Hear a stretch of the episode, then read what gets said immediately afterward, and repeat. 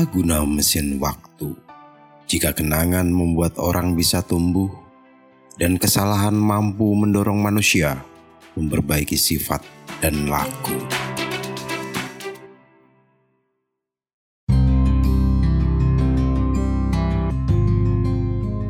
Hai, apa kabar?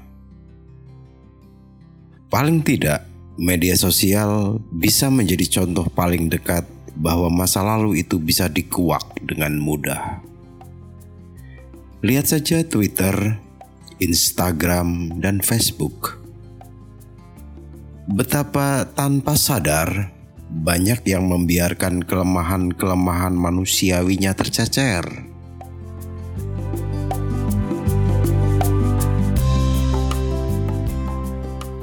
Di masa lalu, mereka bisa menulis apa pun berpendapat sekehendak hati yang pada saat itu benar, tapi kini bisa jadi keliru.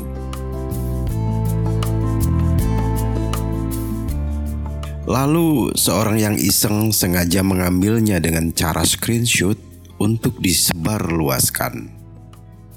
Tujuannya bisa beragam, dari sekedar bercanda hingga sengaja untuk mempermalukan atau menyerang.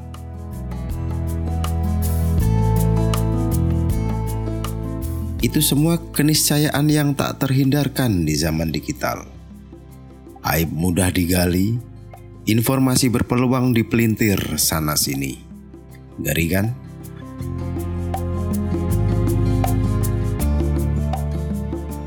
Tidak berlebihan jika screenshot disebut sebagai senjata penghancur citra seseorang.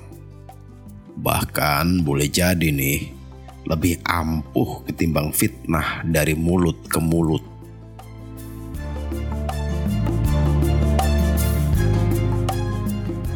Kalau bisa dibikin peringkat, screenshot menempati nomor pertama. Lalu apa berikutnya? Pernyataan blunder. Media sosial memang menggoda, bikin orang-orang mudah melontar pendapat atau ekspresi tanpa perlu menghitung dampak. Sudah berapa tokoh dan figur yang di zaman pra-internet dipuja-puji, luluh lantak akibat kepleset di internet. Mungkin mereka kepleset beneran, tapi yang kerap terjadi adalah disalahpahami.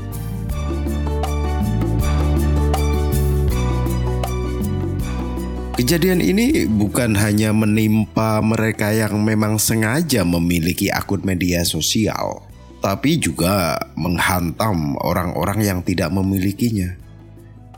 Sudah banyak contohnya.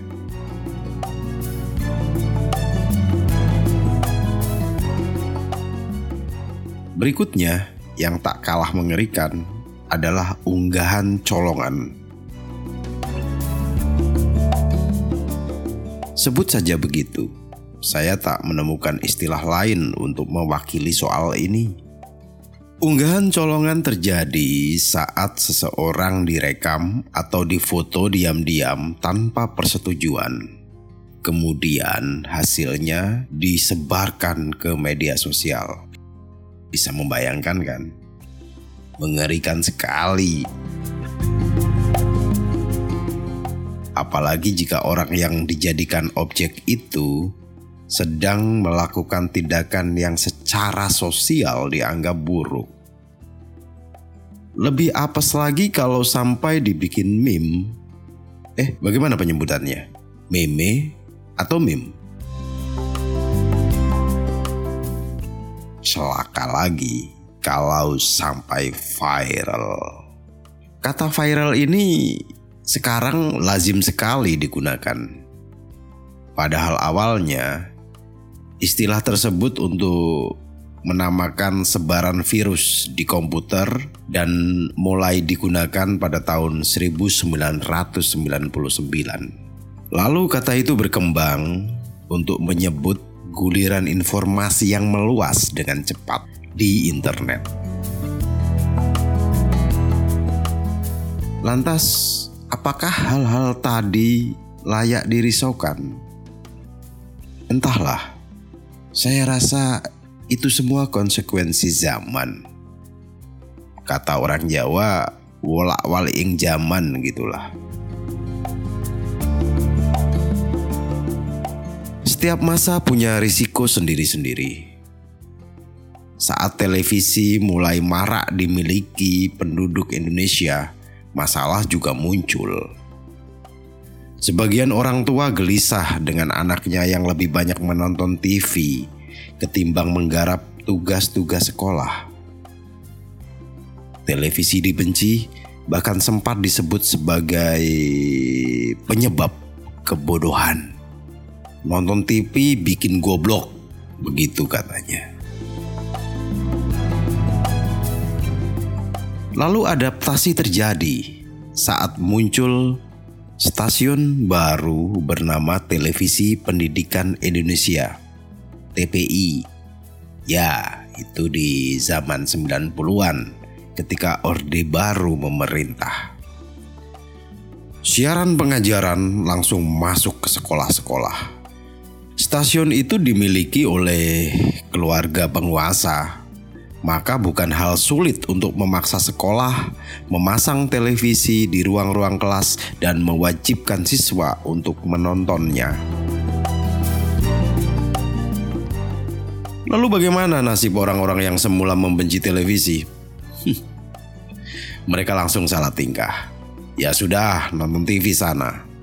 Yang penting kamu pinter, biar jadi dokter Kira-kira begitulah kata-kata yang lazim di zaman itu. Pada masa awal popularitas handphone, masalah juga ada. Anak-anak dilarang main HP, kecemasannya macam-macam. Dari soal boros pulsa hingga dikhawatirkan melakukan perbuatan tak terpuji dengan gadget itu. Lalu puluhan tahun kemudian kondisi drastis berubah. Ketika pandemi COVID-19 merebak, anak-anak justru ditekankan untuk menggunakan HP. Nah lo, kena kan? Sekarang, orang bisa saja dikelisahkan oleh ancaman screenshot dari media sosial pernyataan blunder maupun unggahan colongan tadi. Tapi tidak menutup kemungkinan mereka akan membiasakan diri dan menganggapnya tak masalah di masa mendatang.